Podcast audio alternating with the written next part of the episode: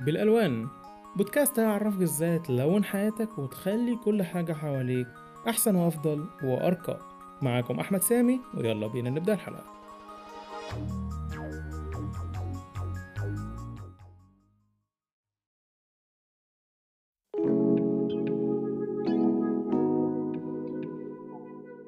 حلقة النهاردة موجهة خصيصا للناس اللي رايحة معرض الكتاب قريب. معرض الكتاب طبعا كان من الأحداث التي شغلت ذهن الجميع في الفترة الأخيرة خصوصا على مواقع الميديا وخصوصا في جروبات الفيسبوك بمختلف أنواعها من الصغير الكبير إلى العملاق في حجم عدد الأعضاء. في النهاية كل هذا تمثل في كوكبة عملاقة جدا من المنشورات والبوستات اللي كانت بتتكلم على معرض الكتاب. بطريقة العاشق الولهان وهو يتغزل في الشخص الذي يحبه والعالم الذي يحبه.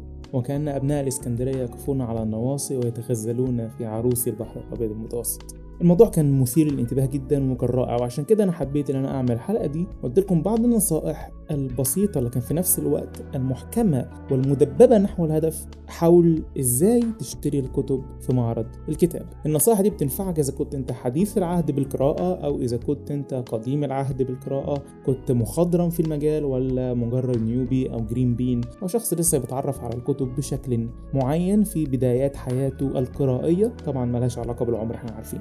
خمس نقاط خمس محاور بناء عليهم هتختار الكتاب القادم أو طبعا مجموعة الكتب خلال معرض الكتاب القادم 2021 أول نقطة معانا هي الألفة والألفة هنا بتتمثل في الكاتب. الكاتب ده انت بتشعر بالألفة تجاهه. الكاتب ده انت قريت له قبل كده. بتحب أسلوبه بتحب طريقة السرد بتاعته. بتحب وصفه للأماكن. بتحب وصفه للشخصيات. بتحب طريقة بنائه للعالم الخلفي للشخصيات. والعديد من الأشياء والعناصر والمحاور الأخرى في المنتصف الحاجات دي كلها خليتك بتعشق هذا الكاتب وبترتاح إنك تقرأ الكلام اللي هو بيكتبه. وبناء على ذلك انت أول حاجة لازم تدور عليها في الكتب هي بقية مؤلفات هذا الكاتب. لو انت ما كنتش خلصت معظم أو كل الكتب اللي هو عملها فأنت في الأغلب الاغلب هتلاقي يا إما حاجات قديمة أنت لسه ما قريتهاش له وموجوده في المعرض يا إما منتج جديد نازل في المعرض أصلا. وممكن أنت ما تكونش عارف إن هو نازل وتروح هناك تتفاجئ في الدار مثلا أو لما تسأل وتلاقي الناس بتقول لك لا ده والله الكاتب الفلاني نزل الرواية الفلانية الكاتب الفلاني نزل الكتاب الفلاني. الله الله أنا ما كنتش أعرف أنا ما كنتش أعرف. وتقوم مصدوم بقى ورايح جايب الكتاب على طول. تاني نقطة هي التصنيف. آه التصنيف من العوامل المهمة جدا اللي تخليك تختار الكتاب من العدم أو لأ. بعيدا عن النبذة بعيدا عن أي حاجة ممكن تاخد منك وقت ودرمغة في قلب الكتاب وممكن صاحب الدار يبص لك يقول لك أنت بتلعب في الكتاب كده ليه؟ سيب الكتاب يا جدع. فالموضوع مؤسف للغاية. فأنت بدل ما تقعد تدعبس في الكتاب وصاحب الدار يتضايق منك وبصراحة من حقه إنه يتضايق يعني فأنت تعرف التصنيف بتاع الكتاب دوت. من بره هتلاقي تصنيف العام أو من في الأغلب بيكون ورا يكون قدام على حسب ال designer بتاع الغلاف الأمامي والخلفي كان ممشي الدنيا إزاي يعني. ولو ما لقيتوش في قدام أو ورا ممكن تفتح أول صفحة صاحب الدار مش هيتضايق يعني. أنت بتبص على التصنيف بس من بره أو رقم الإيداع والحاجات الروتينية للغاية دي. فأنت تشوف التصنيف. لقيته خيال علمي وأنت بتحب الخيال العلمي هري شيء عظيم جدا. روح اشتري الكتاب على طول. ولو مش في التصنيف اللي أنت بتحبه خلاص دور على كتاب تاني في قلب التصنيف. عشان انت بتروح معرض الكتاب ونفسك تجيب اكبر كمية كتب ممكنة بأقل كمية فلوس ممكنة. وده مش هيتأتى غير اللي انت تحصل على نوع من ال satisfaction أو الرضا العام على كل اللي انت جبته بعد ما تكون جبت التصنيفات اللي انت عايزها. ده مش هيتحقق غير مع التصنيفات اللي انت عايزها. فبالمجمل لو انت رايح معرض الكتاب اختار 80% تصنيفات انت بتحب تقرأ فيها قبل كده مثلا خيال علمي فانتازيا رومانسي رعب ايا كان. طبعا ده بعد ما تختار جوه التصنيفات دي الكتاب اللي انت بتحبهم. ال 20% التانيين نوع بقى. جيب تصنيفات جديدة انت أول مرة تقراها كتاب أول مرة تتعرف عليهم. ناس لسه طالعة جديد في سوق الكتابة ناس قديمة جدا بس انت ما جاتلكش الفرصة انك تتعرف عليهم. اشتري كتبهم وهكذا. تالت نقطة هي الطبعة. الطبعة دي بتقترن بحاجات كتيرة جدا. أولهم السعر ثانيهم الجودة ثالثهم الترجمة لو لو كان العمل ده مترجم أو حاجة. عشان الطبعة بتختلف من دار لدار ممكن تلاقي المترجم مختلف ممكن تلاقي السعر بتاعها مختلف ممكن تلاقي الجودة العامة للكتاب مختلفة نوعية الورق مختلفة حبر الطباعة طريقة التنسيق التنسيق الداخلي والخارجي بتاع الكتاب ال design بتاع الغلاف هيكون مختلف. مليون حاجة في النص وده هتلاقيه وارد جدا وشائع جدا في الكتاب العمالقة في المجال بتاعهم في التصنيفات بتاعتهم زي نجيب محفوظ أنيس منصور ده بالنسبة للعرب ومصطفى صادق الرافعي والعقاد والناس التقيلة جدا دي. ومن الناحية الأخرى في الكتب الأجنبية ممكن تلاقي طبعات كلاسيكية جدا في الحتة بتاعه الكتب المستعملة والكتب القديمة مقابل طبعات حديثة جدا لنفس الكتب. وممكن الاثنين يكونوا نفس المحتوى لو كانت اللغة المكتوبة هي اللغة الأصلية بتاعه الرواية نفسها. يعني أنت مثلا ممكن تجيب رواية لتشارلز ديكنز بال English باللغة الأصلية بتاعه الكتابة بتاعتها نسخة كلاسيكية من دار قديمة. على ما أعتقد النسخة اللي عندي في البيت بتاعه دار اسمها بريس حاجة كده. من كانت من النسخ اللي بتعطى في المدارس اللغات. عشان أنا كنت مدرس اللغات فأنا كنت باخد نسخة كاملة من الحاجة دي. أعتقد لما بتيجي تتباع بره مستعملة ما بتتباعش بحوالي 15 20 جنيه وبتبقى جديدة نوفي. بيبقى نفس النص بدون أي تحريفات ولا تعديلات نهائي. وبينما نفس النسخة اللي ممكن تلاقيها في المركز الأمريكي مثلا أو أي مكان من اللي بيبيع الكتب الأصلية الحديثة في المعرض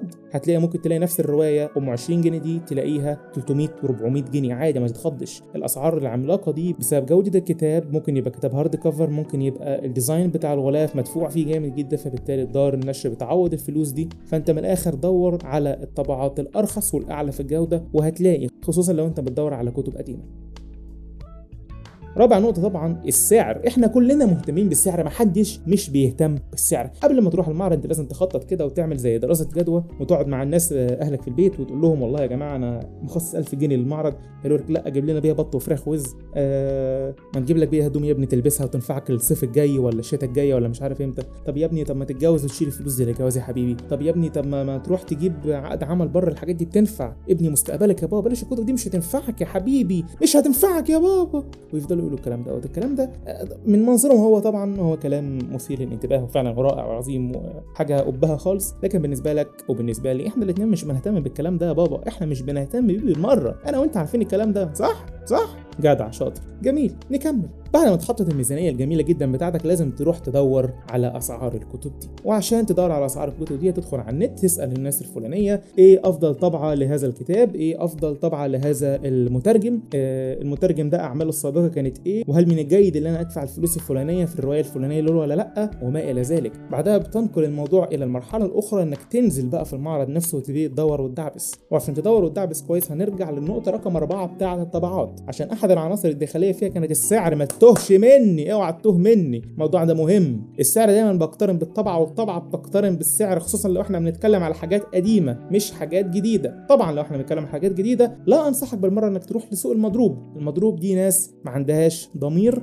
ناس بتحرق سعر الكتب في مقابل إنها تحرم الكاتب من المردود والعائد المادي بتاعه بناء على العمل المضني اللي هو عاش فيه سنين بل يمكن عقد كامل من الزمان بيكتب في هذا العمل وانت تقوم ساحب منه الحقوق بتلك البساطة. الموضوع مؤلم ومؤسف وما انصحكش ابدا إنك تعمله. خامس نقطة بقى والأخيرة واللي هنختم بيها هذا البودكاست اللطيف هي نقطة الخصومات. في دور كتيرة جدا بتعمل خصومات خصوصا لو أنت طالب. لو أنت لسه في الجامعة مبروك عليك. أنت هتاخد أحلى خصومات في المعرض كله. وهتلاقي الناس بتاخدك تحت باطهم كده عشان تدفع لهم خصومات في أماكن تانية خصوصا المركز القومي للترجمة والهيئة العامة للكتاب. وبعض الدور الخاصة المعينة زي الشروق وما إلى ذلك بيعملوا خصومات لطيفة جدا للطلبة الجامعيين على وجه التحديد. يكفي إنك تروح له وتديله الكارنيه بتاع الجامعة تقول له بص يا باشا أنا عايز أعلى خصم عندك من الآخر كده. أنا طالب جامعة أنا معايا ال privilege اللي أنا آخد أعلى خصومات في المكان النهارده. أنا باشا اديني خصم يا باشا اديني خصم. أيوه كيفني. وهتتكيف فعلا عشان تاخد خصم حلو. لكن خلي بالك في خصومات بتبقى على الكتب الفردية وفي خصومات بتبقى على المجموعات. خصومات المجموعات دي ساعات بتنزل بتقنية ال drop shipping يعني انت ممكن تبقى قاعد في المعرض كده لا بيك ولا عليك واقف قدام الهيئة العامة للكتاب وهوب تنزل عربية نص نقل محملة صناديق كتب. الله دي سلسلة الأصفهاني للأغاني. أحيه أحيه أنا لازم أجيبها. وتفضل تشاور عقلك. ولو انت ما شاورتش عقلك بالسرعة الكافية هتلاقي الصناديق دي طارت محدش هيستناها ولا حد هيستناها. هتلاقيها اختفت من وشك. فانت محتاج تشغل دماغك بسرعة وتحسب ميزانيتك وانت واقف في السريع تلقط الصندوق ده ولا لا. وانصحك لو انت لقيت صناديق من الجميلة جدا دي اللي هي بتبقى مجموعات كاملة بسعر تقريبا ربع إجمالي الكتب دي مع بعض نط فيها على طول واسحبها في حجرك كده وروح بيها للكاشير. end of text ده ال bottom line ما تضيعش عليك الخصومات دي. الخصومات دي بتبقى جبارة. ما تضيعهاش عليك خالص. وبس كده يا سيدي أتمنى لك رحلة لطيفة جدا في معرض الكتاب. كان معاكم أحمد سامي وأشوفكم في الحلقة الجاية من بودكاست ألوان. مع السلامة.